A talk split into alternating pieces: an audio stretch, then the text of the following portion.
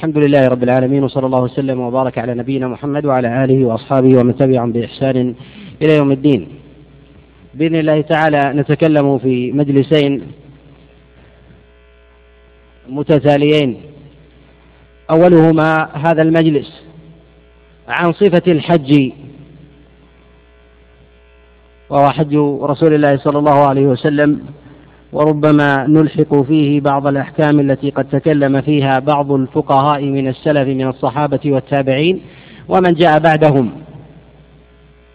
ولا نريد مسألة إلا وندلل عليها من الكتاب والسنة ومن أقوال الأئمة من الصحابة والتابعين ومن جاء بعدهم كما هو المعتاد. إن الله جل وعلا قد جعل للإسلام أركانا وأكد وجوبها وهي آكد شرائع الإسلام والأركان هي ما يبنى عليها البناء. يقول النبي صلى الله عليه وسلم كما جاء في الصحيحين من حديث عبد الله بن عمر بني الإسلام على خمس شهادة أن لا إله إلا الله وأن محمد رسول الله وإقام الصلاة وصيام رمضان وحج البيت من استطاع إليه سبيلا وجاء في الصحيحين أيضا من حديث أبي هريرة أن رسول الله صلى الله عليه وسلم لما جاءه جبريل فقال ما الإسلام؟ قال الإسلام أن تشهد أن لا إله إلا الله وأن محمد رسول الله وتقيم الصلاة وتصوم رمضان وتحج البيت إن استطعت إليه سبيلا وكذلك قد جاء هذا الخبر يعني قصة جبريل لسؤاله في سؤاله النبي صلى الله عليه وسلم في صحيح الإمام مسلم من حديث عبد الله بن عمر عن عمر عليه رضوان الله تعالى. والحج هو من أركان الإسلام.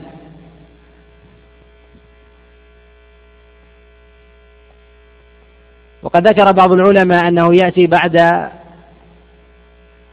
بعد الزكاة في التعظيم والتأكيد. وقد أمر الله عز وجل بالإتيان به كما في قوله سبحانه وتعالى ولله على الناس حج البيت من استطاع إليه سبيلا ومن كفر فإن الله غني عن العالمين. وحج بيت الله جل وعلا فرض على كل مسلم عاقل بالغ حر ومستطيع. والحج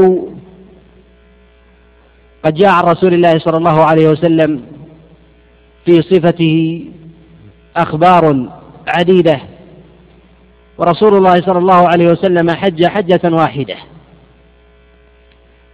وبعد بعد هجرته وقد حج قبل ذلك بمكة.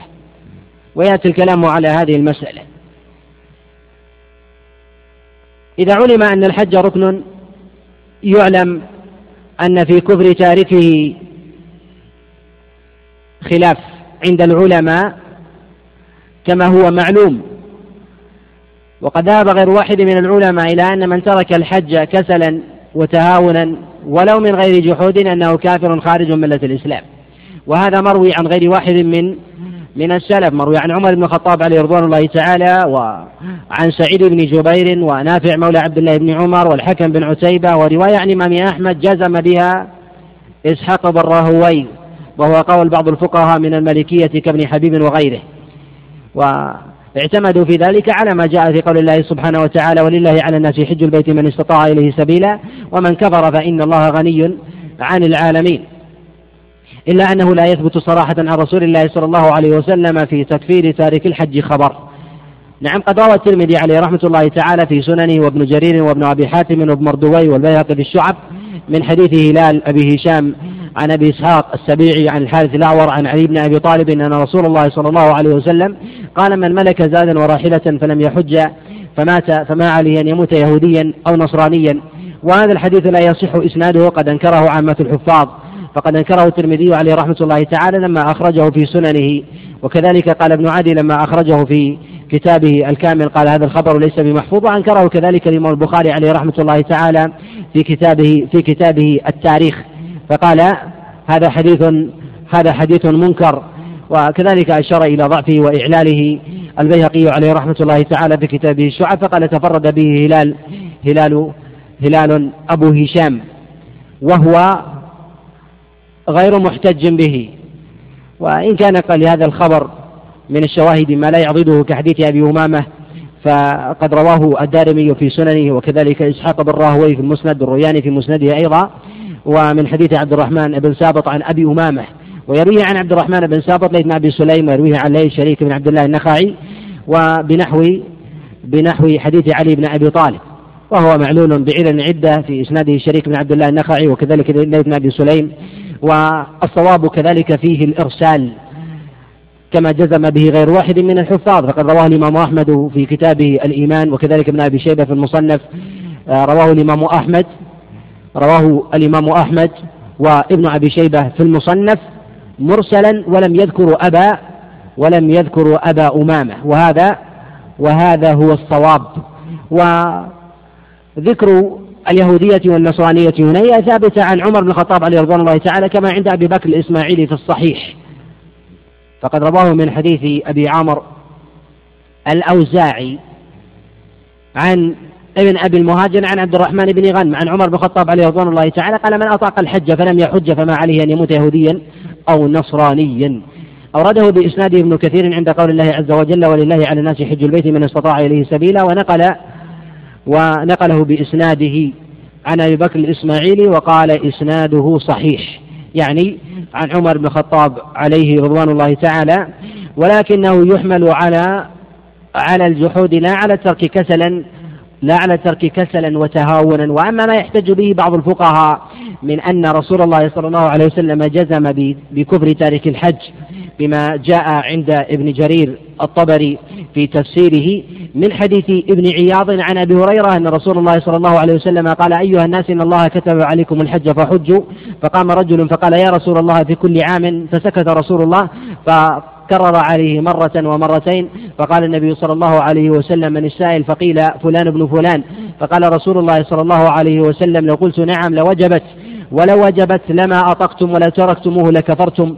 فإن الله سبحانه وتعالى يقول ولله على الناس حج البيت من استطاع إليه سبيلا. وهذا لا حجة به فإنه لا يصح من جهة من جهة الإسناد. كذلك من جهة من جهة المتن فيه تفرد تفرد وغرابة. وكذلك قد جاء عن سعيد بن جبير عند اللالكائي في شرح أصول اعتقاد أهل السنة وجاء أيضا جاء أيضا عن عبد الله بن مسعود وعن عبد الله بن عباس وكلها وكلها فيها كلام. والذي يظهر والله أعلم أن من ترك الحج كسلا وتهاونا أنه مرتكب لكبيرة من كبائر الذنوب. إذا كان من أهل الوجوب قطعا فهو على خطر عظيم. فإنه إن أدركه عام وموسم حج ولم يحج فرط. ولحقه الإثم والحج على الفور كما هو قول جمهور العلماء وظواهر الأدلة من الكتاب والسنة خلافا لما ذهب إليه غير واحد من الأئمة كالإمام الشافعي عليه رحمة الله تعالى وقال به عطاء ابن أبي رباح وغيره على أن على أن الحج على التراخي ليس على الفور من نظر وتأمل فعل النبي عليه الصلاة والسلام وكذلك الصحابة والتابعين من مبادرتهم بأداء الحج واستنفارهم مع رسول الله صلى الله عليه وسلم دل دل ذلك على تأكيده. وهذا ظاهر بين ومن نظر إلى من جاء مع رسول الله صلى الله عليه وسلم ومن تبعه من الفجاج والطرق وجاء من نجد ومك ومن اليمن وغيرها تبع لرسول الله صلى الله عليه وسلم واقتداء به بل تبع رسول الله صلى الله عليه وسلم النساء وهن وهن وهن في أشهرهن الأخيرة من الحمل كما في قصة أسماء بنت عميس كما جاء في الصحيح وغيره. الحج فرضه الله سبحانه وتعالى سبع سنين. وهذا يدل على صحة حج حتى من لم من لم يميز. والدليل على ذلك أن النص لم يقيد وأطلق الحج على الصبي وإن ذكر بعض العلماء عن بعض الأئمة من الأئمة الأربعة أنه لا يرى صحة حج الصبي كما نقل ابن بطة عن أبي حنيفة عليه رحمة الله تعالى فهذا القول فيه نظر.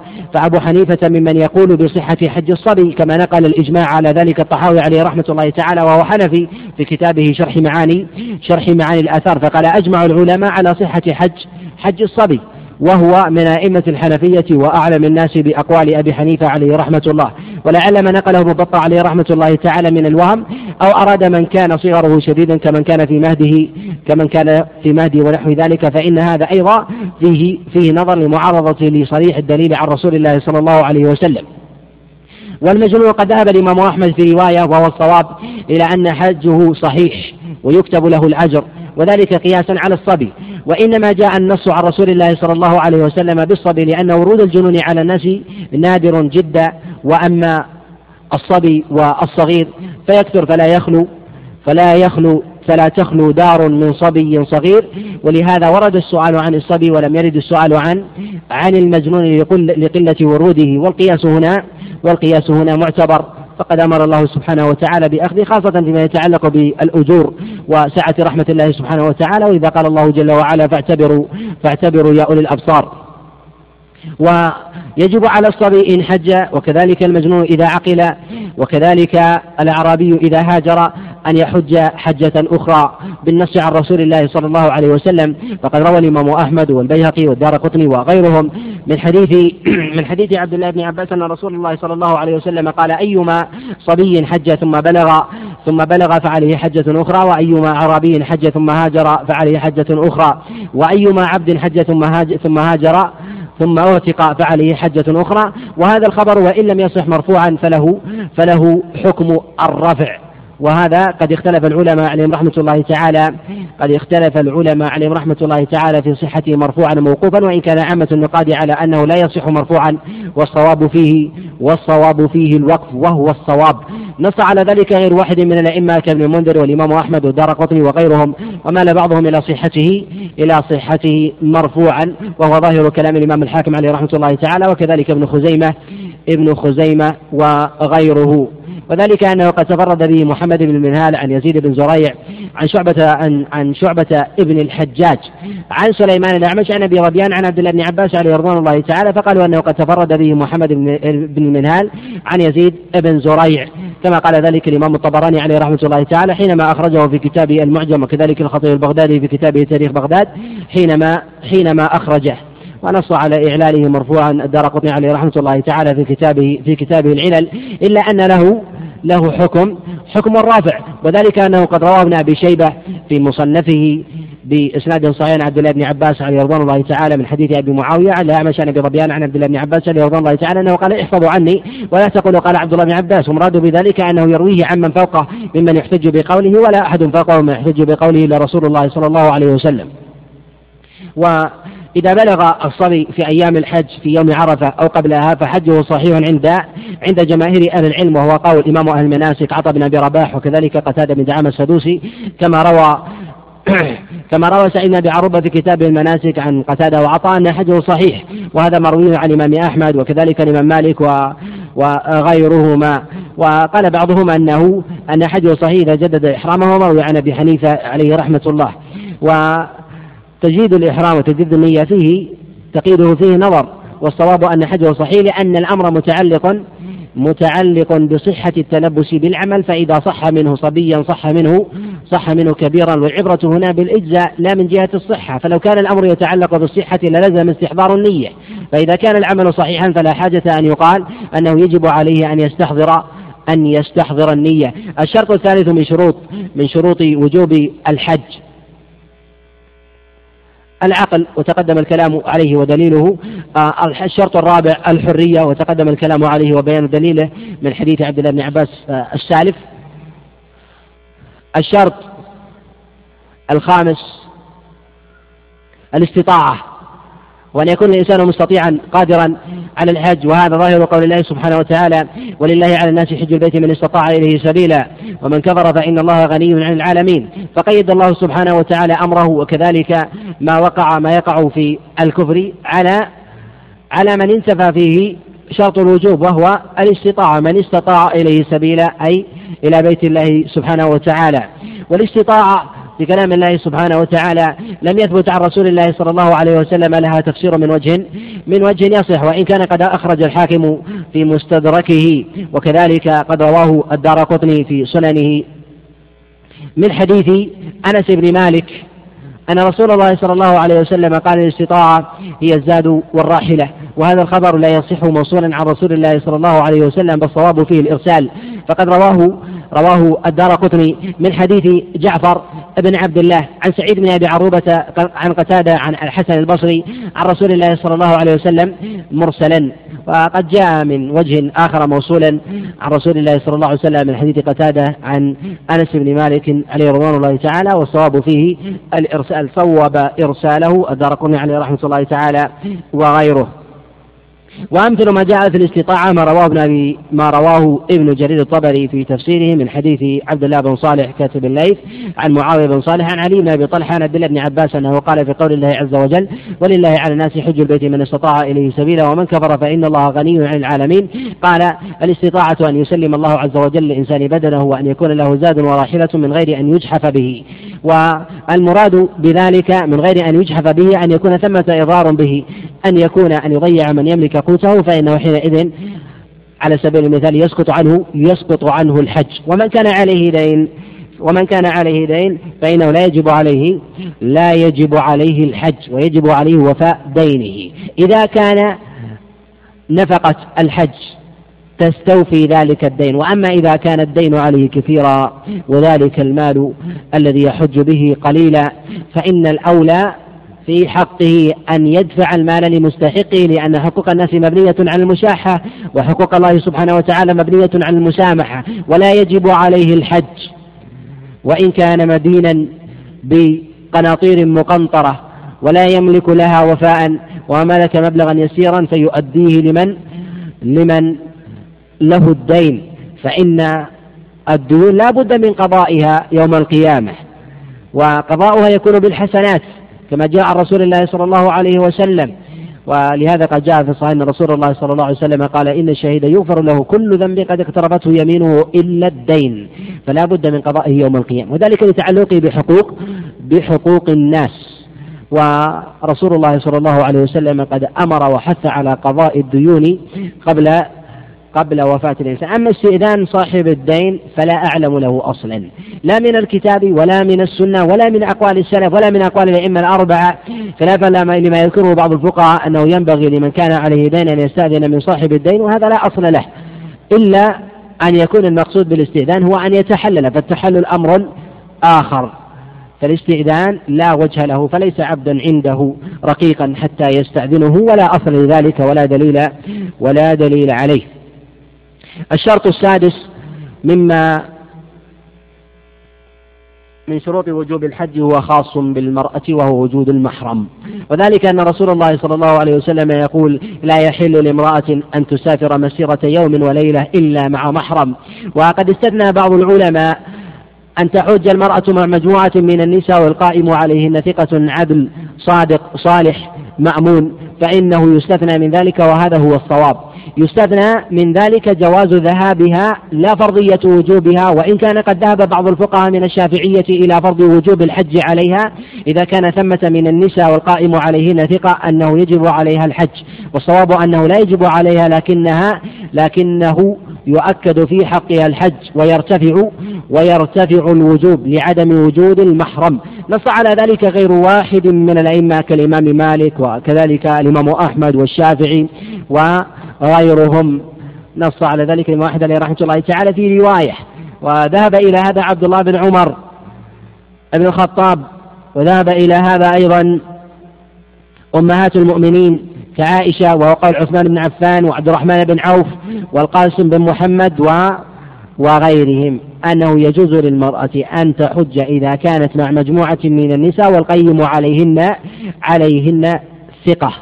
ولا يجوز للرجل أن يمنع امرأته من حج الفريضة إذا وجدت محرما كأخ أو أب ونحو ذلك. وهل يجب عليه أن يخرج مع زوجته أم لا؟ على خلاف عند العلماء ذهب جمهور العلماء إلى أنه لا يجب عليه وذهب الإمام أحد إلى الوجوب. واستدلوا بإرجاع رسول الله صلى الله عليه وسلم رجلا قد اكتتب في غزوة كذا وكذا وامرأته حاجة فأمر رسول الله صلى الله عليه وسلم أن يحج مع امرأته. وقوله اكتتب في غزوة كذا أي أنه فرض فرض عليه من الجمع والتأكيد. ولهذا يقول الله سبحانه وتعالى كتب عليكم القتال أي فرض الله سبحانه وتعالى عليكم. ولهذا يقول يقول آه، آه، الشاعر لا تعملن فزاريا خلوت به على قلوصك واكتبها بأسيار أي واشدد عليها أي أنه أكد عليه من جهة الحج ومن جهة الجهاد. فمنعه رسول الله صلى الله عليه وسلم من الذهاب من الذهاب إلى الجهاد مع أنه قد اكتتب فيه إلى الحج إلى الحج مع امرأته. وهذا دليل ظني فيما يظهر وذلك أن رسول الله صلى الله عليه وسلم قد رخص له. وقد يرخص النبي عليه الصلاة والسلام لمن كان مكتتبا في غزوة لأن يبقى في المدينة كان يكون يؤم الناس أو يحرس أو يحرس أراضي المسلمين أو أموالهم ونحو ذلك. وإذا شرعت المرأة بالحج فليس له منعها لأن الله سبحانه وتعالى أمر بالإتمام فقال الله عز وجل وأتموا الحج والعمرة لله. والإتمام واجب حتى في حج وعمرة نافلة فيجب الإتيان به على وجه على وجه التمام كما جاء عن رسول الله صلى الله عليه وسلم.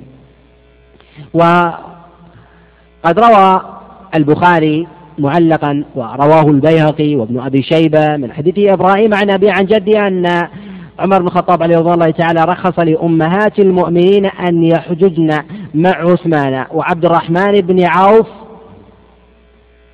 وهذا دليل على ترخيص إذا كانت المرأة مع مجموعة من النساء. وجاء عند ابن أبي شيبة من حديث نافع عن عبد الله بن عمر أنه حج معه نساء ليس معهن محرم. وهذا إسناده إسناده صحيح. وجاء عن عائشة رضي الله تعالى وفيه إرسال في انقطاع من حديث يونس عن الزهري عن عائشة. عليها عليها رضوان الله تعالى وفيه وفيه كلام. وكما تقدم أن الحج على الفور. ويجب على الإنسان إن أدركه إن أدركه وقت الحج وهو مستطيع وقد توفرت فيه شروط أن يحج وإن لم يحج فقد أثم ومن قال بالتراخي فقوله مرجوح وذلك أن فرضية الحج على الأعيان لا يمكن تقديرها إلا بالمبادرة والفورية. وأما إذا قيل أنه على التراخي فمتى فمتى يأثم الإنسان؟ وإذا علقنا الأمر بالتراخي والقدرة فإن النبي عليه الصلاة والسلام قد روي عنه كما جاء عند الإمام أحمد من حديث إسماعيل بن خليفة عن أبيه عن فضيل عن سعيد بن جبير عن عبد الله بن عباس أن رسول الله صلى الله عليه وسلم قال إذا أراد أحدكم من أرى من أراد الحج فليتعجل فإن الإنسان لا يدري ماذا يعرض له ماذا يعرض له ربما مرض ونحو ذلك وفي هذا إشعار وإن كان الخبر في إعلال وجاء له شاهد عند أبي داود من حديث ميران بن صفوان عن عبد الله بن عباس عن رسول الله صلى الله عليه وسلم آه، من أراد الحج فليتعجل.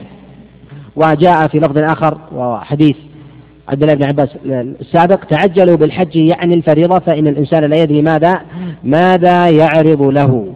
وفي تعليقه في هذا الخبر تعجلوا بالحج يعني الفريضة فالإنسان لا يدري ماذا يعرض له أنه ربما عرض له مرض ونحو ذلك ف حصل له من التسويف الذي يحاسب عليه ولهذا أمر بالتعجل.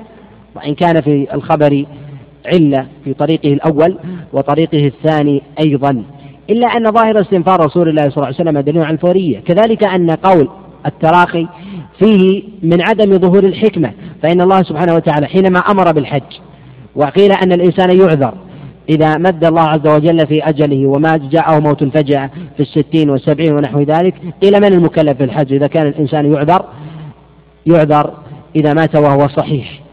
هل يعذر إذا كان الإنسان قد هرم وسقط؟ هذا ما قال به أحد من العلماء. فارتباط أداء الحج وفرضيته يكون بالاستطاعة وإدراك الوقت وإن لم يؤده وإن لم يؤده مع قدرته عليه أثم. و ينبغي المؤمن على كل وجه أن يبادر بأداء الحج لما فيه من الفضيلة والمنقبة والأجر العظيم عند الله سبحانه وتعالى. ولهذا قد روى الإمام أحمد والبخاري ومسلم من حديث من حديث أبي حازم عن أبي هريرة أن رسول الله صلى الله عليه وسلم قال من حج ولم يرفث ولم يفسق خرج من ذنوبه كما ولدته أمه. كما ولدته أمه. وجاء أيضا في الصحيحين في البخاري ومسلم ورواه الإمام مالك أيضا في الموطأ وعنه البخاري ومسلم من حديث مالك عن سمي عن أبي صالح عن أبي هريرة أن رسول الله صلى الله عليه وسلم قال العمرة إلى العمرة كفارة لما بينهما والحج المبرور ليس له جزاء إلا الجنة. وقرن الله سبحانه وتعالى الحج الحج بالإسلام من جهة تكفير الذنوب وكذلك بالهجرة كما جاء في قصة في قصة استحضار عبد قصة استحضار عمرو بن العاص عليه رضوان الله تعالى في صحيح الإمام مسلم من حديث أبي شماسة الماري عن حبيب عن عبد عن عمرو بن العاص عليه رضوان الله تعالى أنه لما حضرته الوفاة تذكر حياة مع رسول الله صلى الله عليه وسلم فقال إني أتيت إلى رسول الله صلى الله عليه وسلم فقلت يا رسول الله وقد مددت إلي يده ثم قبضتها فقال لي ما لك يا عمر؟ فقلت يا رسول الله إني أريد أن أشترط. قال وما تشترط؟ قال إني أريد أن أشترط أن يغفر الله لي ذنوبي. فقال أما تعلم يا عمر أن الإسلام يهجب ما قبله يهدم ما قبله وأن الهجرة تهدم ما قبلها وأن الحج يهدم يهدم ما قبله. ومقارنة النبي عليه الصلاة والسلام الحج بهذين الشعيرتين العظيمتين أولهما الإسلام الذي لا يمكن أن يتحقق للإنسان نجاة وفوز مطلقا إلا به والهجرة التي أمر الله سبحانه وتعالى بها بل بين أن من لم يهاجر وهو قادر عليه أنه من جملة الكافرين المنافقين الخارجين عن الإسلام من أهل من أهل مكة كما جاء في آيات الوعيد المعروفة في كلام الله سبحانه وتعالى. وقرنها سبحانه وتعالى قرنها عليه الصلاة والسلام مع مع هذين لفضل الحج. ولهذا قد ذهب جماعة من العلماء إلى أن الحج يكفر الصغائر والكبائر. يكفر الصغائر والكبائر وهذا هو الصحيح. وهذا مروي عن مطرف وعن الحسن وذهب إليه شيخ الإسلام تيمية وغيرهم. والذي ينبغي للإنسان أن يكون أن يكون متجردا من النيات السيئة ومتجردا كذلك من الهوى وطلب الدنيا ومطامعها وأن يكون حجه بمال بمال حلال. فإن الله سبحانه وتعالى طيب لا يقبل إلا طيبا. قد روى الإمام مسلم في الصحيح من حديث عدي بن ثابت عن أبي حازم عن أبي هريرة أن رسول الله صلى الله عليه وسلم قال إن الله أمر المؤمنين بما أمر به المرسلين. فقال الله سبحانه وتعالى يا أيها الرسل كلوا من الطيبات واعملوا صالحا إني بما تعملون عليم. وأمر المؤمنين بما أمر به المرسلين فقال الله جل وعلا يا أيها الذين آمنوا كلوا من طيبات ما رزقناكم. فذكر رسول الله صلى الله عليه وسلم الرجل يطيل السفر أشعث أغبر يمد يديه إلى السماء يا رب يا رب ومطعمه حرام ومشربه حرام وغذي بالحرام فأنا يستجاب له قد ذهب الإمام أحمد عليه رحمة الله تعالى إلى أن من حج بمال حرام أن حجه ليس بمبرور واتفق العلماء من أئمة الأربعة وغيرهم إلى أن حجه صحيح لكنه ليس بمبرور يعني لا يندرج تحت قول رسول الله صلى الله عليه وسلم والحج المبرور ليس له جزاء إلا الجنة ولا يأتي تحت قوله عليه الصلاة والسلام من حج ولم يرفث ولم يفسق خرج من ذنوبه كما ولدته أمه لأنه لأنه قد ركب ركب مطية وأحرم بإحرام من مال الحلال وتزود وأكل وشرب من الحرام بمال حرام. فالله سبحانه وتعالى طيب لا يقبل إلا طيبا وهذا أمر ينبغي أن يتنبه له الإنسان. ورسول الله صلى الله عليه وسلم لفضل الحج. قد حج قبل ذلك إلى أنه على ملة على ما علمه من ملة إبراهيم الخليل عليه الصلاة والسلام. فقد جاء في سنن الترمذي ومسند الإمام أحمد من حديث سفيان عن زيد بن حباب عن جعفر بن محمد عن أبيه عن جابر بن عبد الله أن رسول الله صلى الله عليه وسلم حج ثلاث حجج حجتين قبل أن يهاجر وحجة بعد أن هاجر ولكن إسناده ضعيف الصواب في الإرسال كما عله الإمام البخاري عليه رحمة الله تعالى في كتابه التاريخ فقال إنما هو إنما هو عن مجاهد عن رسول الله صلى الله عليه وسلم. ولكن ثبت عن رسول الله صلى الله عليه وسلم أنه حج قبل هجرته. كما في صحيح البخاري من حديث محمد بن جبير بن مطعم عن أبيه أنه قال أضللت بعيرا لي بمكة.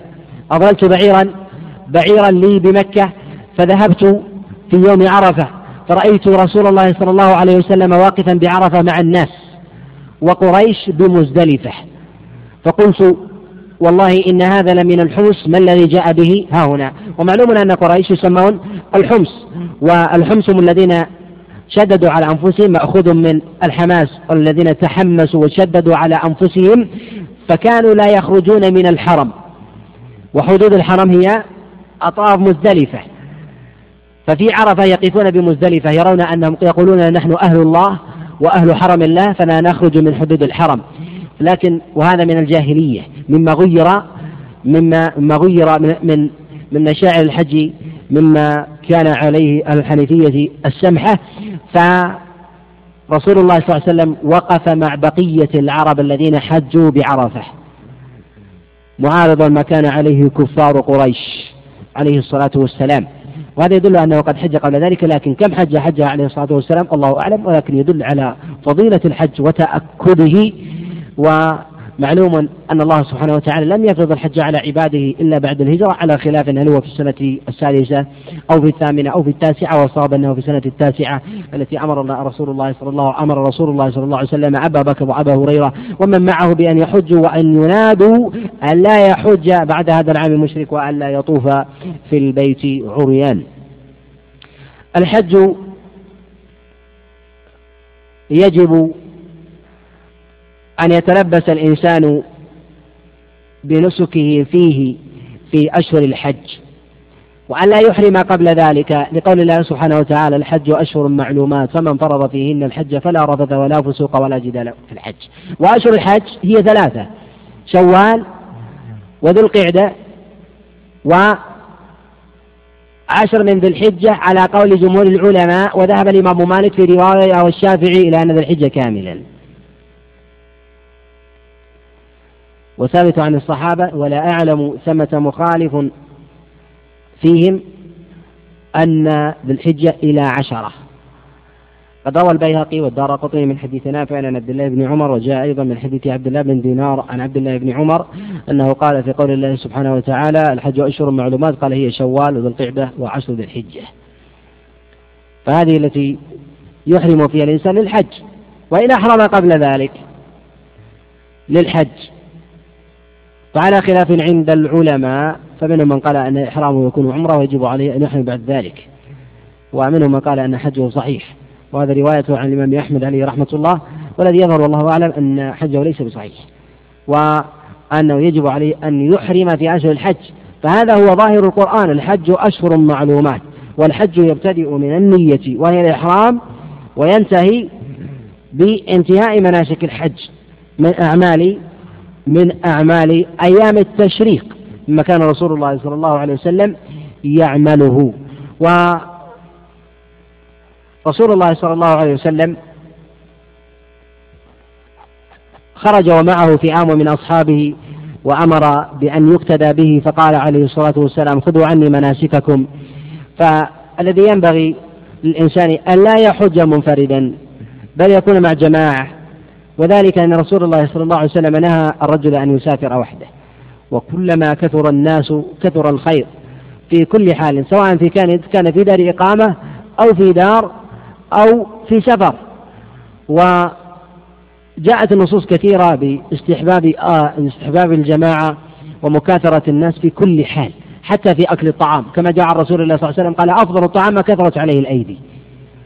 وذلك البركة القوة والتيمم بالجماعة فإن الإنسان يجد من العزيمة والقوة في حينما يرى يرى من حوله. وقد حج رسول الله صلى الله عليه وسلم وحج معه فئام كثير من أصحابه عليهم رضوان الله تعالى ممن ممن أراد التأسي برسول الله صلى الله عليه وسلم في حجته. كلهم يريد أن يتأسى به لأنها هي الحجة الأولى بعد فرض الحج لرسول الله صلى الله عليه وسلم. وهي التي أمر بالاقتداء به. عليه الصلاة والسلام بقوله خذوا عني مناسككم. ولهذا وقع الخلاف في كثير من مسائل المستحبة في الحج وفي بعض الواجبات ونحو ذلك لأن المشرع عليه الصلاة والسلام لا مشرع إلا هو في ذلك المنسك ومن حج معه فئام كثير حتى قيل أنهم بلغوا مئة وعشرون ألفا. حج مع رسول الله صلى الله عليه وسلم. فكلهم يريد أن يقتدي به عليه الصلاة والسلام. فيفوت ما يفوت ومنهم من وقع فيه في الوهم أنه هل فعل النبي عليه الصلاة والسلام هذا ونحو ذلك كما جاء في التلبية. ويشرع للحاج ألا يتجاوز أن أن أن يحرم من الميقات أو ما حاذاه إذا لم يستطع الإتيان إليه. والمواقيت التي قدرها النبي عليه الصلاة والسلام لأهل البلدان قد جاءت في حديث عبد الله بن عباس عليه رضوان الله تعالى في الصحيحين وغيرهما قال عليه الصلاة والسلام أن رسول الله صلى الله عليه وسلم وقت لأهل المدينة ذا الحليفة ولأهل الشام الجحفة ولأهل نجد قرن المنازل ولأهل اليمن يلملم فقال رسول الله صلى الله عليه وسلم هن لهن ولمن أتى عليهن من غير أهلهن ممن أراد الحج والعمرة ومن كان دون ذلك فمهله من أهله. وأهل مكة من مكة. المواقيت هي ما قدر. وميقات أهل العراق. وقته عمر بن الخطاب عليه رضوان الله تعالى على الصحيح الثابت. ولم يوقته رسول الله صلى الله عليه وسلم. وأما ما جاء في صحيح الإمام مسلم من حديث أبي الزبير عن جابر بن عبد الله أنه أنه سئل عن المواقيت قال وأحسبه رفعه إلى رسول الله صلى الله عليه وسلم. قال مهل أهل المدينة من ذي الحليفة وأهل الشام من الجحفة وأهل نجد من قرن وأهل اليمن يلملم. فهذا ومهل أهل العراق من ذات عرق. وهذا وإن كان في مسلم فذكر العراق فيه وهم وغلط. قد أعله الإمام مسلم بنفسه في كتابه التمييز. قال وما روينا من أن رسول الله صلى الله عليه وسلم وقت ذات عرق فلا يثبت منه شيء. كذلك قال بعدم ثبوته الإمام أحمد عليه رحمة الله تعالى كما نقله عنه ابن عدي في كتابه الكامل وكذلك الأثرم بمسائله وغيرهما. وقد جاء في ذلك أخبار متابعات لحديث لهذا الطريق الذي قد أخرجه الإمام مسلم من ما أخرجه ابن ماجه في سننه من حديث إبراهيم ابن يزيد عن أبي الزبير عن جابر بنحو حديث جابر بن عبد الله الذي قد أخرجه في مسلم وفي إسناد إبراهيم بن يزيد وهو غير محتج به وجاء عند أبي داود والنسائي في سننيهما من حديث أفلح ابن حميد عن القاسم. وأفلح قد تفرد بهذا الخبر. وقد أخرج هذا الحديث ابن عدي في كتابه الكامل ونقل عن الإمام أحمد عليه رحمة الله تعالى أنه أنكره. وكذلك قد روى إسحاق بن راهوي في كتابه المسند من حديث عبد الرزاق بن همام الصنعاني قال حدثني مالك عن نافع عن عبد الله بن عمر أن رسول الله صلى الله عليه وسلم وقت ذات عرق وهذا خبر منكر. وإن كان إسناده على شرط البخاري من حديث مالك عن نافع عبد الله بن عمر فقد تفرد به عبد الرزاق وخالف فيه سائر أصحاب مالك. فكلهم لا يذكرون ذات عرق إلا عبد الرزاق. كذلك قد تابع الإمام مالك عليه رحمة الله تعالى عن نافع عليه. تابعه أيوب بن تميم السختياني وكذلك بن عون وابن جريج وعبد العزيز بن أبي رواد وغيرهم عن نافع عن عبد الله بن عمر بل قد رواه غير واحد عن عبد الله بن عمر ولم يذكر ذات عرق رواه سالم ابن عبد الله بن عمر و ابن دينار. ولم يذكروا ذات عرق فدل على وهم عبد الرزاق عليه رحمة الله تعالى في هذا في هذا الخبر. وقد جاء أيضا من حديث عطاء عن عبد الله بن عباس وفي إسناده نظر وهو معلول. وعموما لا يصح أن رسول الله صلى الله عليه وسلم وقت ذات عرق. والصواب فيه ما أخرجه البخاري من حديث عبد الله بن عمر أن أهل العراق جاءوا إلى عمر بن الخطاب عليه رضوان الله تعالى فقالوا يا أمير المؤمنين إن إن إذا أردنا الحج وأردنا قرنا جارت عن طريقنا فوقت لنا. فقال عمر بن الخطاب عليه رضوان الله تعالى انظروا حذوها فوقت لهم ذات عرق. وفي اكتفاء الإمام البخاري عليه رحمة الله تعالى بالموقوف وترك المرفوعات دليل على على إنكارها. وأنه لا يثبت فيها شيء كطريقة الإمام مسلم عليه رحمة الله تعالى حينما أعل ما جاء في الباب كله. وهذا الذي قد نص عليه وجزم به الإمام الشافعي عليه رحمة الله تعالى فقال في كتابه الأم حدثنا مسلم بن خالد الزنجي عن ابن جريج عن عبد الله بن طاووس عن طاووس بن كيسان أنه قال لم يكن عراق يومئذ وإنما إنما وقت الناس ذات عرق بعد ذلك. يقول الإمام الشافعي عليه رحمة الله تعالى لما أخرج خبر طاووس قال ولا أحسب إلا كما قال طاووس. يعني أن العراق لم يكن كما إذن ولم يوقته رسول الله صلى الله عليه وسلم. وعلى هذا يقاس كل ميقات كل موضع يحاذي ذلك الموضع. فإذا كان أهل البلد لا يستطيعون أن أن يحاذوا أن يأتوا إلى هذا المكان فإنه لا حرج عليهم أن يحرموا مما يحاذي ذلك المكان. فرسول الله صلى الله عليه وسلم قد اغتفر قد اغتفر ذلك لمن هو دونه فجعل كل ما دون تلك المواقيت ميقات لأهله. وهذا من باب التوسعة وتوسعة أمير عمر بن الخطاب عليه رضي الله تعالى دليل دليل على ذلك. فلا يشدد في هذا سواء ممن كان محاذيا للميقات عن طريق الجو أو عن طريق أو عن طريق البر. فإنه يحرم إذا حاذ حاذ الميقات ولا حرج عليه.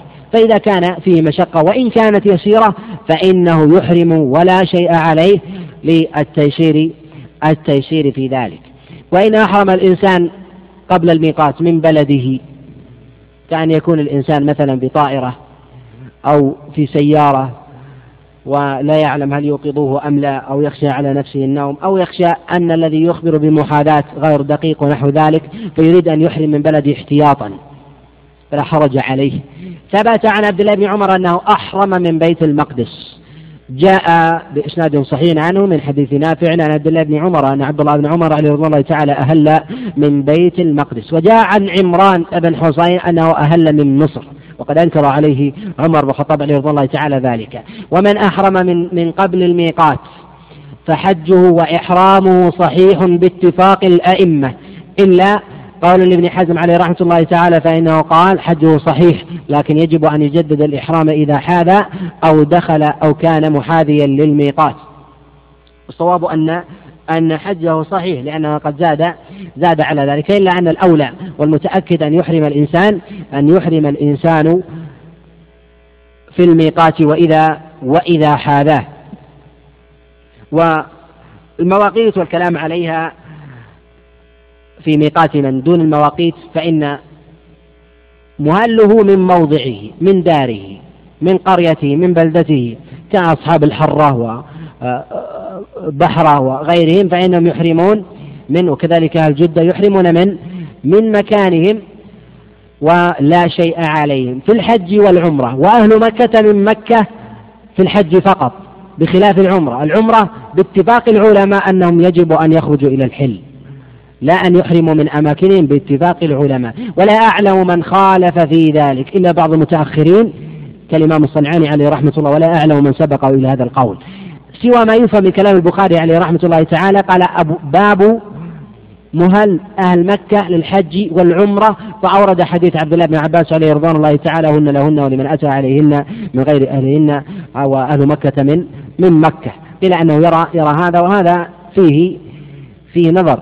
الإمام البخاري عليه رحمة الله تعالى صاحب اقتداء وصاحب سنة وصاحب اتباع حتى للصحابة. فهو يورد ربما بعض المعلقات التي فيها ضعف استئناسا لقوله.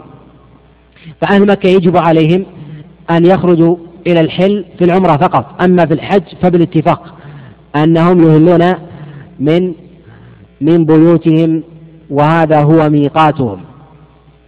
وإهلال الإنسان عن نفسه أو عن غيره لا يشترط في صحته شيء. وأما ما يشترط بعض الفقهاء ورواية الإمام أحمد وظاهر المذهب وقال به إسحاق وغيره إلى أن الإنسان إذا لم يحج عن نفسه وأراد أن يهل بالحج عن غيره أن حجه ينصرف إلى إلى نفسه ويجب عليه أن يحج عمن عمن استنابه وهذا في نظر ولا دليل عليه. بل أن حجه عمن استنابه وهو آثم إذا كان مستطيع وجاء إلى البيت العتيق ولم يحج عن نفسه لأنه قد فرط. وأما حديث لبيك عن شبرمة فهذا حديث لا يصح مرفوعا بل الصواب فيه الوقف باتفاق النقاد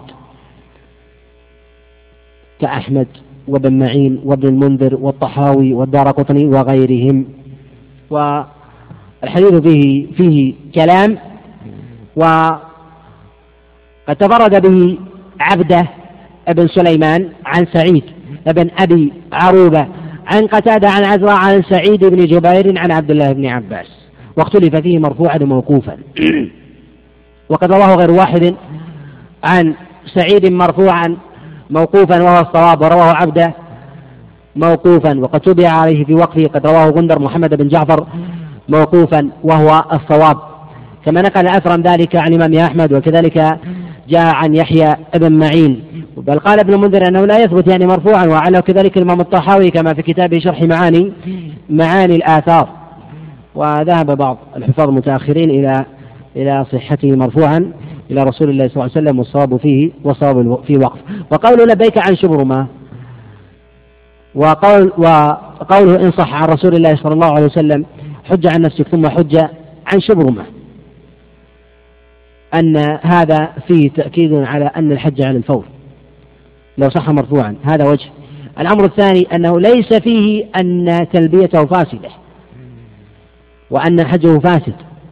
عمن استنابه أن ينصرف إلى نفسه هذا لا لا دليل عليه. بل أن الحج إذا حج الإنسان عن غيره ولم يحج عن نفسه يقال لا يخلو من حله إذا كان مستطيعا فهو آثم وحجه صحيح عمن استنابه. وإذا كان غير مستطيع فحجه صحيح عمن استنابه وليس وليس بآثم. كان يكون إنسان فقير لا يملك المال. فأعطاه شخص مال ليحج عنه. فإن هذا فإن هذا لا حرج لا حرج فيه ولا إشكال. وهذا الذي عليه فيما يظهر عمل السلف عليهم رحمة الله. ومن قال بأن نية تنقلب هذا لا نظير له. لا أعلم عبادة يفعلها الإنسان ثم تنقلب إلى غيره أو تنقلب له مع أنه قصد قد نوى نوى لفلان. أما التمسك بظاهر النص في قوله آه، حج عن نفسك ثم حج عن شرم هذا توجيه لا تعلق له بنية الإنسان في عمله هذا. إما أنه يدرك نفسه وإذا أراد أن يتطوع عن غيره أنه يفسخ يفسخ آه، حجه ذلك وينوي عن نفسه فإنه حينئذ لا إشكال. أما أنه يحرم ويطوف ويسعى ويأتي بالمناسك كلها ثم يقال له أن هذا الحج لك ليس لفلان. هذا هذا لا نظير له في الشرع في سائر أنواع سائر أنواع العبادات. ثمة في ثمة لهذا نظير لكنه لهذا نظير جاء عن أنس بن مالك لكنه ليس ليس في الحج وقد استنكره الحافظ بن رجب في كتابه آه، الفتح ولا حاجة الإطالة في هذه المسألة ونظائرها وكلام العلماء وجريها على قواعد قواعد الشرع من الكتاب من الكتاب والسنة. و يستحب للإنسان أن يكون إحرامه بعد صلاة فريضة كما فعل رسول الله صلى الله عليه وسلم رسول الله صلى الله عليه وسلم قد أتاه آت من ربه أن صلي في هذا الوادي المبارك وقل عمرة في حجة. عمرة في حجة. وعمرة في حجة يعني قران. ونسك رسول الله صلى الله عليه وسلم كان هو القران. وقد اختلف العلماء في أيها أفضل القران والتمتع الإفراد يقال لا بد من تحرير المسألة من جهة ما اتفقوا عليه. أولا اتفق العلماء على أن من حج قبل من اعتمر قبل أشهر الحج ثم رجع إلى أهله أن الأفضل في حق الإفراد. لكي يكون عمرة الإسلام وحج الإسلام كل بسفرة واحدة. قال بعض العلماء وهذا هو معنى قول الله سبحانه وتعالى وأتموا الحج والعمرة لله. أي كل واحدة تكون تماما بسفر مستقل. قد روى البيهقي من حديث شعبة عن عمرو بن مرة عن عبد الله بن سليمة. عن علي بن أبي طالب عليه رضوان الله تعالى أنه قال في قول الله عز وجل وأتموا الحج والعمرة لله. قال أن تحرم بهما من دويرة أهلك. من دويرة من دويرة أهلك. وروي عن عمر بن الخطاب عليه رضوان الله تعالى ولا أعلم له إسنادا. يذكره الفقهاء ولا أعلم له إسنادا. عنه عليه عليه رضوان الله تعالى. وثم قد اختلف العلماء في النسك. فذهب الإمام أحمد إلى أن القران إلى أن التمتع أفضل. بل روي عنه رواية بوجوبه وهو قول عبد الله بن عباس عليه رضوان الله تعالى. وذهب أبو حنيفة إلى أفضلية القران. قالوا لأنه فعل رسول الله صلى الله عليه وسلم. وذهب الإمام مالك والشافعي إلى أن الأفضل هو الإفراد. وأغرب ابن حزم الأندلسي حينما قال أن الإفراد منسوخ. ولا يجوز نسك اسمه الإفراد. وذلك لأن أبا بكر وعمر وعثمان كلهم قد حجوا مفردين بعد وفاة رسول الله صلى الله عليه وسلم. فهؤلاء الخلفاء الراشدين من الكبار لا يعلمون أن الإفراد نسخ ولم يعلموا إلا أن الظاهر هذا أبعد ما يكون. بل جاء النص عن رسول الله صلى الله عليه وسلم كما في كما في البخاري من حديث أبي هريرة أن رسول الله صلى الله عليه وسلم قال والله ليهلن ابن مريم من فج من فج الروحاء حاجا أو معتمرا أو ليثنيهما. وحاجا أو معتمرا حاجا يعني مفردا. وهذا يدل على أنه باقي الحكم باقي حتى يأتي بمريم وينزل ويحج حاجا بأحد هذه الأنساك الثلاثة. ويدل أنه كان يأخذ حتى النسك حج البيت العتيق مما كان عليه محمد صلى الله عليه وسلم. ويسن أن يكون بعد أن يكون بعد بعد صلاة الفريضة إحرامه. ويبدأ التلبية. وهل للإحرام سنة صلاة أم لا؟ أولا اتفق العلماء على مشروعية الصلاة عند الإحرام واختلفوا في حقيقة الصلاة. حكى ابن جماعة اتفاق العلماء على سنية الصلاة على خلاف في حقيقتها. هل يستحب أن يقصد الإنسان تحين وقت فريضة ليأتي إلى الميقات ليصلي؟ أم ينتظر حتى تأتي فريضة وإن كان في غير وقت صلاة؟ حتى تأتي الفريضة ثم يصلي ثم يحرم. هذا هو الصواب أنه ينتظر وقت فريضة. لهذا فإن رسول الله صلى الله عليه وسلم صلى الظهر بالمدينة ثم جاء إلى ذي الحليفة فصلى فيها الظهر فصلى فيها العصر والمغرب والعشاء والفجر. ثم أحرم بعد صلاة الظهر كما جاء في صحيح الإمام مسلم وغيره. وأما صلاة ركعتين خاصة بالإحرام فلا أعلم من عمل بذلك من الصحابة. وإن كان قد روي عن بعض السلف كسعيد وطاووس وعطاء وغيرهم أي أنه يستحب أن يصلي ركعتين للإحرام إذا لم يصادف فريضة. وأغرب بعض المتأخرين فجاء بقول لم يأتي به الأوائل وقال أن صلاة الإحرام هي خاصة بذي الحليفة لأن النبي, النبي عليه الصلاة والسلام أمر بأن يصلي في هذا الوادي المبارك فقط. فهي البركة لهذا الموقع فإذا أحرم من الجحفة وأحرم من الألم لا يصلي وهذا قول غريب لا يعول لا يعول عليه. و يكون تكون التلبية بعد بعد صلاته. وقبل أن يلبي وأن يتلبس بالإحرام يشرع له الاغتسال. وهو محل اتفاق عند العلماء. بالإجماع أنه يشرع له أن يغتسل. ولم يأتي نص صريح عن رسول الله صلى الله عليه وسلم أنه فعل الاغتسال واغتسل في إحرامه. لكن محل اتفاق. وحكى الإجماع عليه غير واحد. كابن المنذر وابن عبد البر وغيره. و بل ذهب الإمام مالك عليه رحمة الله تعالى إلى أن غسل الإحرام آكد من غسل الجمعة. وذهب الإمام الشافعي عليه رحمة الله تعالى إلى أن من ترك غسل الإحرام متعمدا فقد أساء. روى عبد الرزاق في المصنف عن ابن جريج قال من ترك الاغتسال وجب عليه دم. وهذا فيه نظر فالدم لابد فيه من دليل.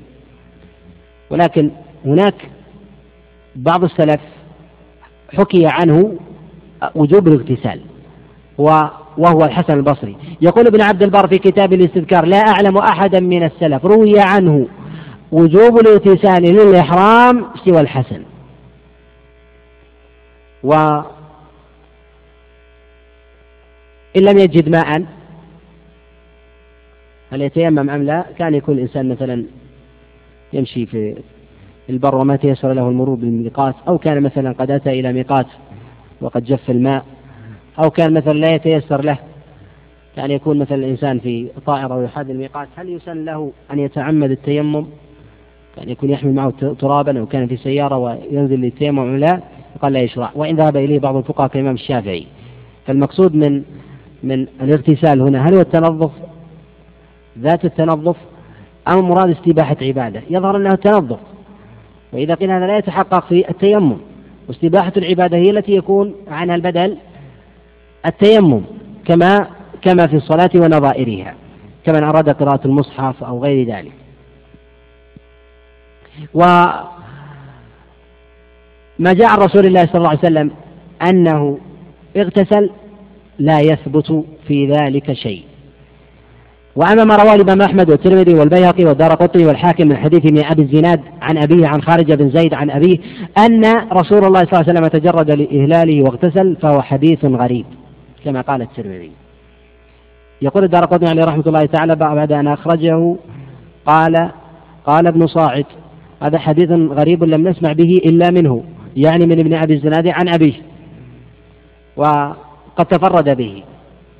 وجاء من وجه آخر من حديث عثمان بن عطاء عن أبيه عبد الله بن عباس ولا يصح أيضا؟ جاء أيضا خبر صحيح لكنه لا يشعر بفعل قد يكون قول أو فعل. ما جاء من حديث بكر بن عبد الله المزني عن عبد الله بن عمر أنه قال من السنة أن يغتسل لإحرامه ولدخول مكة. من السنة. وقول صاحب من السنة المراد بذلك فعل النبي عليه الصلاة والسلام عند عامة العلماء. وهل يكون قول أو فعل؟ ولكن يقال أن هذا محل اتفاق عند العلماء قاطبة. وينبغي الإنسان أن يحرص على هذا الاغتسال فهو من آكد مواضع الاغتسال. وما يشرع الإنسان فيه الاغتسال في هذا الموضع هنا الموضع الثاني لدخول مكة. وهذا قد نبانا عليه مرارا أنه من السنن المهجورة. أن الإنسان قبل دخوله مكة في أدنى الحل يغتسل لدخولها. وذلك لثبوته عن رسول الله صلى الله عليه وسلم.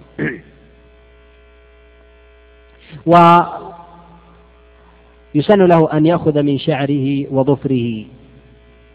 وإن كان لم يثبت في ذلك خبر إلا أنه محل اتفاق. لأن الله سبحانه وتعالى يقول في كتابه العظيم ثم ليقضوا تفثهم وليوفوا نذورهم. أي عند الحل بعد انتهاء المناسك فليقضوا التفث وليوفوا النذور وهي الهدي. والتفث هو حلق الشعر وقص الظهر مما بقي فيه.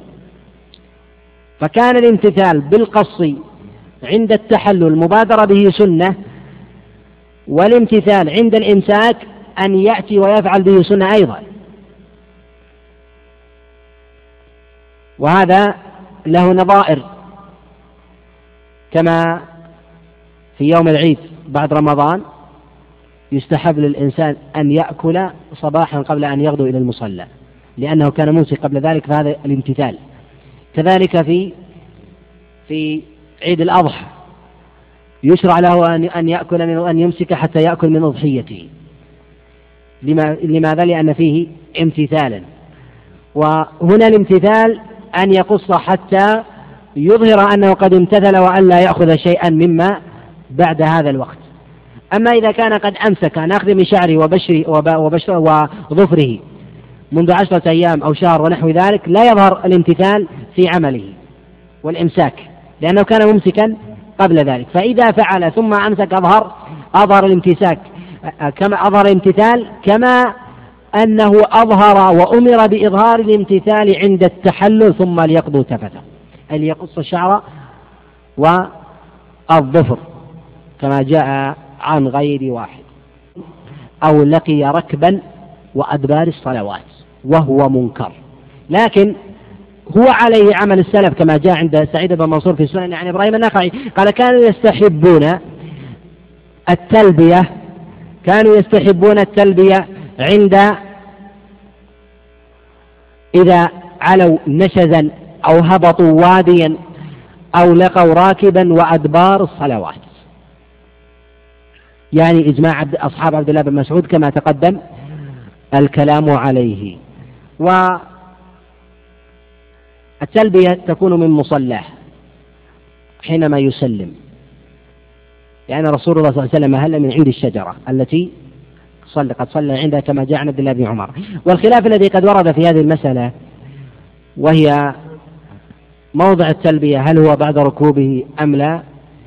وذلك أن الصحابة عليهم رضي الله تعالى كثير ألوف ويصعب عليهم أن يحصوا فعل رسول الله صلى الله عليه وسلم. فمن كان قريبا منه وسمع التلبية حال سجوده نقلها. ومن رآه يلبي وهو على راحلته على البيدة نقلها. ومن رآه عند الشجرة يلبي نقلها. فهم كثير. وهذا الذي أشار إليه عبد الله بن عباس عليه رضي الله تعالى عند البيهقي من حديث خصيف عن مقسم عن عبد الله بن عباس. يعني إلى سبب اختلاف أصحاب رسول الله صلى الله عليه وسلم في التلبية وموضعها. وقد كان عبد الله بن عمر عليه رضي الله تعالى يثبت أن رسول الله صلى الله عليه وسلم إنما أحرم من عند شجرة من المسجد. حتى إذا قيل له أن رسول الله صلى الله عليه وسلم أهل من البيداء قال بيداؤكم هذه التي تكذبون بها على رسول الله صلى الله عليه وسلم ما أهل رسول الله صلى الله عليه وسلم إلا من الشجرة عند المسجد. المسجد هو موضع سجوده لأن لم يكن ثمة مسجد. و يلبي بما جاء عن رسول الله صلى الله عليه وسلم من قوله أو من تقريره. من قوله كما جاء في الصحيح الصحيحين وغيرهما أن رسول الله صلى الله عليه وسلم كان يلبي ويهل بالتوحيد لبيك اللهم لبيك لبيك لا شريك لك لبيك إن الحمد والنعمة لك والملك لا شريك لك. تلبية مشهورة وثابتة عن رسول الله صلى الله عليه وسلم. وقد جاء عن أصحاب رسول الله صلى الله عليه وسلم أنه كانوا يلبون بغير تلبية رسول الله. وجاء عن رسول الله صلى الله عليه وسلم أنه زاد لبيك إله الحق لبيك كما في المسند وغيره من حديث الأعرج عن أبي هريرة. وجاء من حديث جابر بن عبد الله أن رسول الله صلى الله عليه وسلم يقول لبيك ذا المعارج. وجاء عن رسول الله صلى الله عليه وسلم كما عند الرابع هرمزي في المحدث الفاصل وكذلك عند الدار قطني في العلل من حديث محمد بن سيرين عن يحيى بن سيرين عن أنس بن سيرين عن أنس بن مالك إن رسول الله صلى الله عليه وسلم كان يلبي ويقول لبيك حقا حقا تعبدا ورقا لكنه لا يصح مرفوعا والصواب فيه وقف. جزم بذلك الدار قطني في كتاب العلل وهو الأشبه بالصواب. و جاء عن الصحابة أنهم يلبون بغير هذه التلبية التي كان رسول الله صلى الله عليه وسلم يلبي بها. جاء عن عمر بن الخطاب عليه رضي الله تعالى أنه يلبي بتلبية رسول الله صلى الله عليه وسلم السابقة ويزيد ويقول لبيك مرغوبا ومرهوبا إليك لبيك ذا النعماء والفضل الحسن. وجاء عن عبد الله بن عمر عليه رضي الله تعالى في صحيح الإمام مسلم أنه يقول لبيك وسعديك وخير بيديك. وجاء عن عبد الله ابن عمر زيادة في ذلك وجاء تلبية أخرى وجاء عن أنس بن مالك مما, مما تقدم فسواء لبى بهذا أو لبى بهذا فإن هذا كله مما جاء إقراره عن رسول الله صلى الله عليه وسلم. فالتلبية التي تكرر والتلفظ بالنسك هو الذي لا يكرر وإنما يقال مرة واحدة. أما النية فمحلها القلب لا يشرع الجهر بها والجهر بها والجهر بها بدعة محدثة وإن كان قد جاء عن بعض السلف يروى عنه يقول يشرع الجار بالنية في الحج فمراد ليس المراد بذلك هو النية وإنما المراد بذلك التلفظ بالنسك أن يقول لبيك عمرة. يسميها البعض النية فيشكل على بعضهم حينما يقف على أمثال هذه الألفاظ. ولا أعلمه عملا ولا قولا لأحد من السلف لا من الصحابة ولا من التابعين ولا من الأئمة الأربعة. سوى ما جاء الإمام الشافعي رحمة الله تعالى في موضع كما نقله ابن قانع في معجمه الإمام الشافعي عليه رحمة الله تعالى في مسألة الجهر بالنية في الصلاة ولا أعلمه عن أحد منهم في غير في غير الصلاة. ويشرع بعد تلبيته وبعد ركوبه دابته أن يسبح ويحمد ويهلل وهذا من السنن المهجورة التي قل ما يفعلها أحد. وقد ترجم عليها البخاري عليه رحمة الله تعالى قال باب التحميد والتسبيح والتكبير قبل الإهلال على البيداء وذلك أنه يشرع أن رسول الله صلى الله عليه وسلم لما ركب راحلته سبح وحم سبح وحمد وهلل وكبر.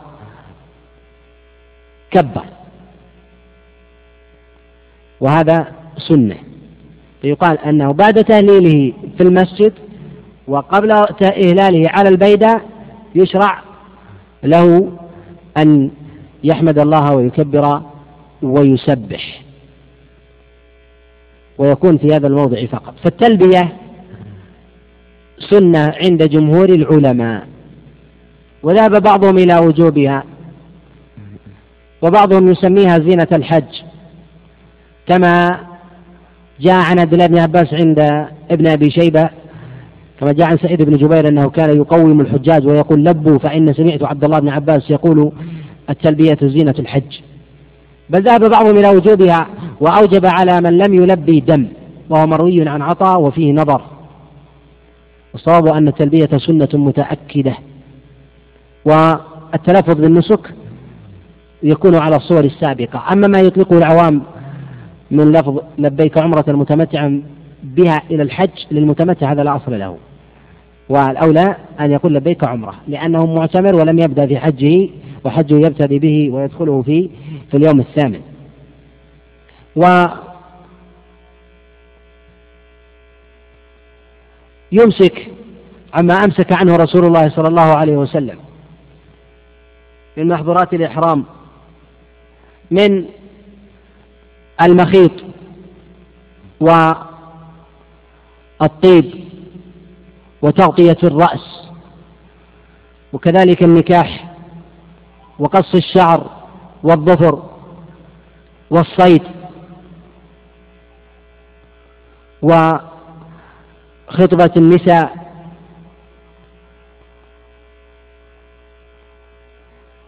وإذا لم يجد الإنسان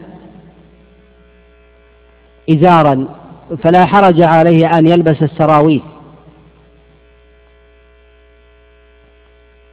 وإذا لم يجد نعلين لا حرج عليه أن يلبس يلبس الخفين ولا يقطعهما لأن القطع منسوخ كما جاء في حديث عبد الله بن عباس وقال الإمام أحمد. و إن وقع في شيء من المحظورات فيقال إن دل الدليل على أنه محظور فيجب عليه التوبة. وهل يجب عليه دم أم لا؟ يقال إن دل الدليل على وجوب الدم فيجب عليه وإن لم يدل دليل بخصوصه فلا يجب عليه دم ويأتي الكلام على على هذه المسألة بإذن الله تعالى.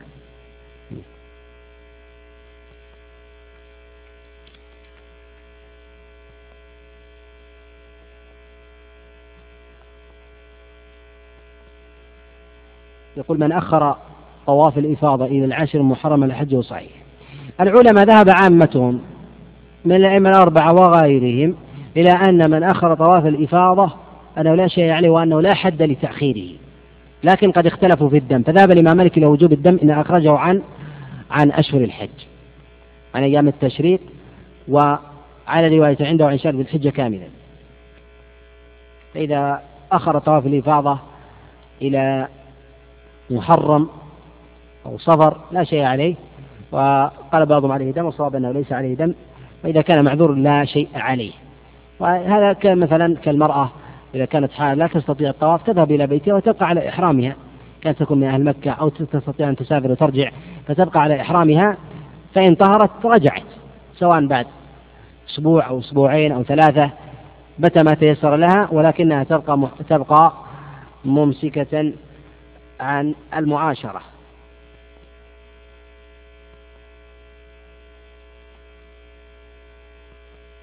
يقول هل يشرع صيام يوم عرفة للحاج وما هو دليل من قال بالمنع وما هو الدليل من قال بالجواز؟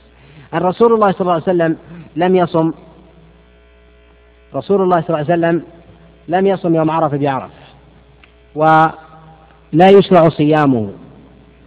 وذهب بعضهم إلى جوازه وقال بحنيفة خلافا لجمهور العلماء.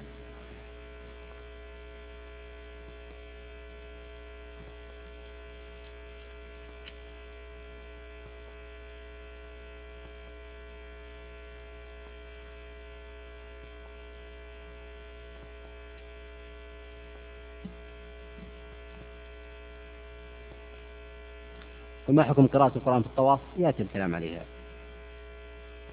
لا يستعجل الإخوة السؤال عن شيء يأتي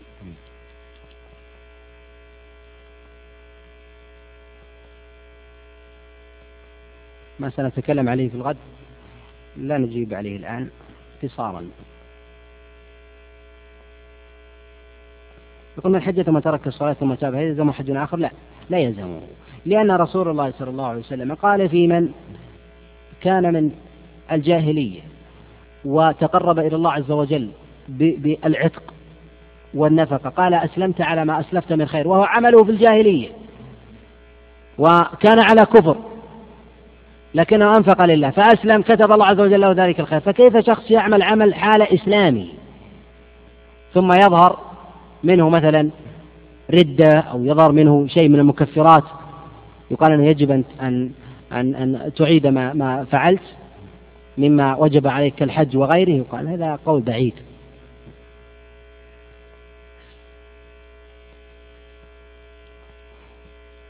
يقول هنا هل يجوز لبس الإحرام الذي يكون في وسطه مغاط؟ لعله يقصد ما ما يلبس على هيئة آه، التنورة يكون مغلق. فهذا مخيط ولا يجوز لبسه وهذا إذا قلنا بجوازه ربما يجر إلى قول يتعذر أن يقول به من قال بهذا القول.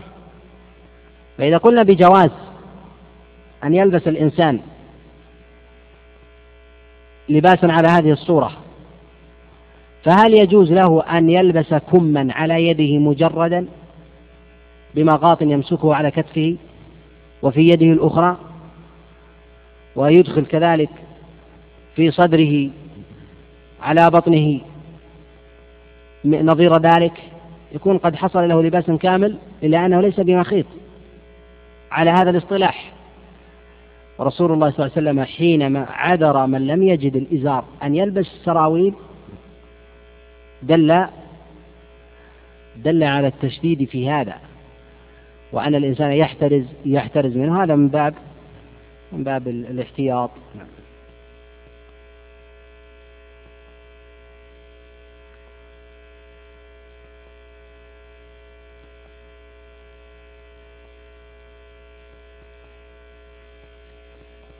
قل أيهما أفضل للميت الذي حج حجة الإسلام أن يقوم أبناؤه بالتحجيج عنه أو يكفل إنسان يريد الحج عن نفسه ويثيبوها لوالديهم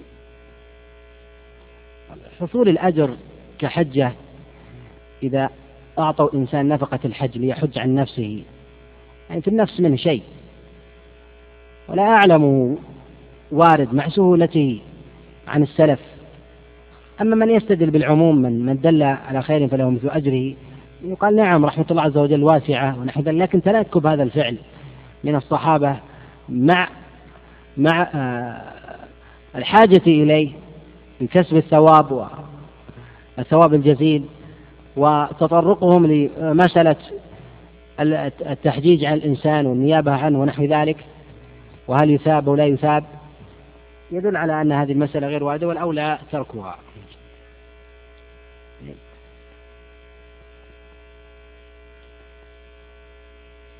هل يشترط سوق الهدي للقارن؟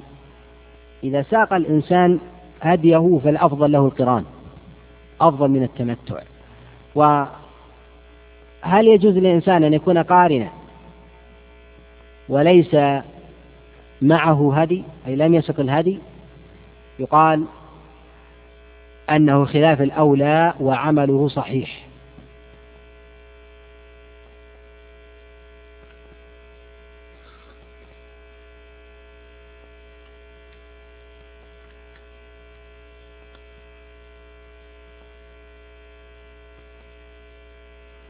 يقول امرأة وصلت الميقات وقبل أن تحرم حاضت فهل لا أن تحرم. نعم لا علاقة بالإحرام بالحيض. أسماء بنت عميس أحرمت وهي نفساء.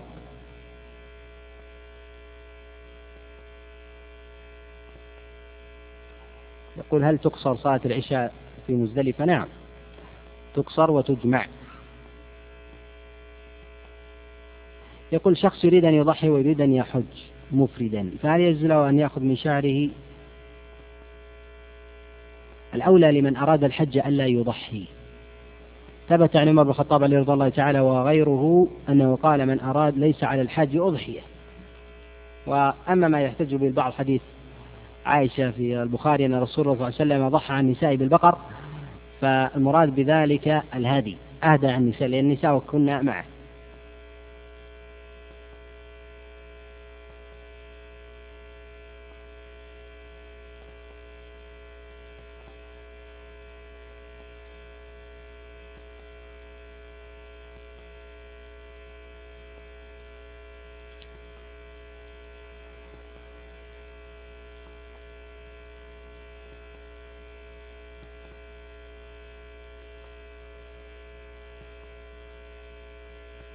يقول هل أفضل أن تصدق مال الأضحية مضحي؟ لا الأفضل تضحي خير الهدي هدي محمد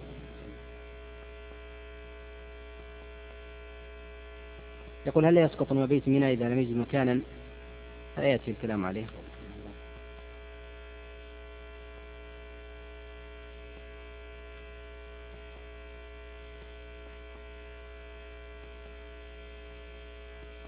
يقول هل يجوز المرأة أن تسافر مع رجل واحد ثقة؟ ما في ثقة رجل واحد وامرأة لا يوجد ثقة أبدا نعم. كلام مجموعة من النساء القيم عليهن ثقة. كان تحج المرأة مثلا مع آه، أمها وأخواتها مثلا والمحرم لها مثلا أزواج أخواتها وكن جماعة من النساء كأسرة واحدة ونحو ذلك يعني هذا يخفف فيه.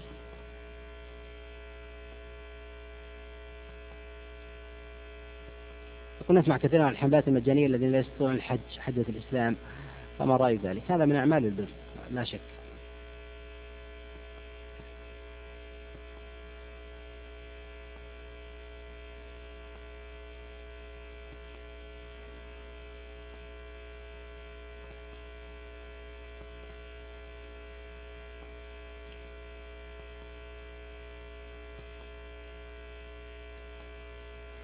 يقول من حج متمتعا ولم يكن عنده مال لشراء الهدي آه، ثم لم يصم تكاسلا يصوم يجب يكون في الصيام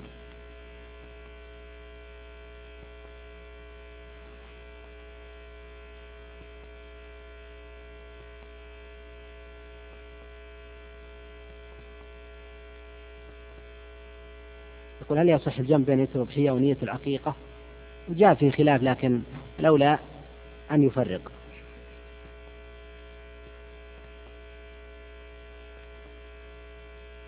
يقول التكبير في هذه العشر مطلق ومقيد. التكبير في العشر جاء الحث به على وجه العموم من غير تحديد وقت معين. ثبت عن عبد الله بن عباس وابن مسعود وسلمان الفارسي وأبي هريرة وعبد الله بن عمر وغيرهم وهو محل اتفاق. أما ما يذكر من التكبير المقيد فهو يبتدئ من بعد صلاة الفجر من يوم عرفة إلى بعد صلاة العصر من آخر أيام التشريق.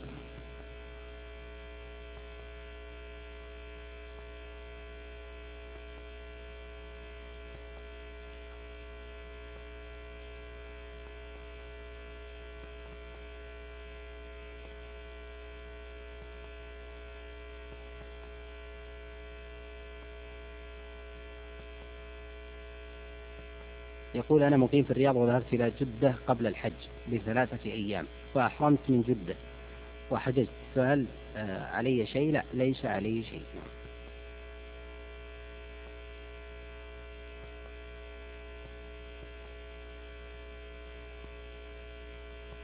يقول مرأة حجت بدون محرم. ما حكم حجها؟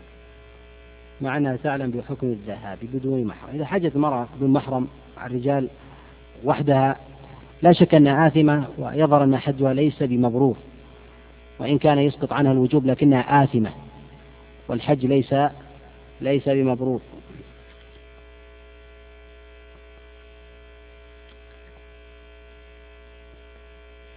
يقول ما صحة حديث دخول القرية؟ اللهم رب السماوات لا حسن ابن الجوزي وإسناده ضعيف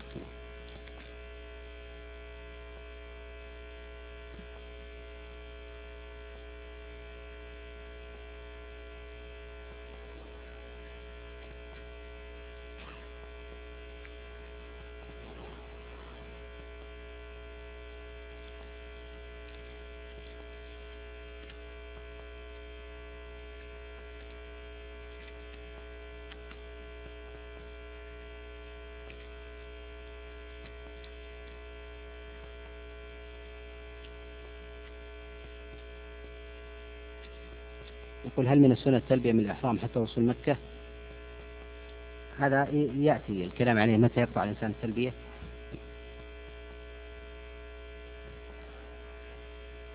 صلى الله وسلم وبارك على نبينا محمد.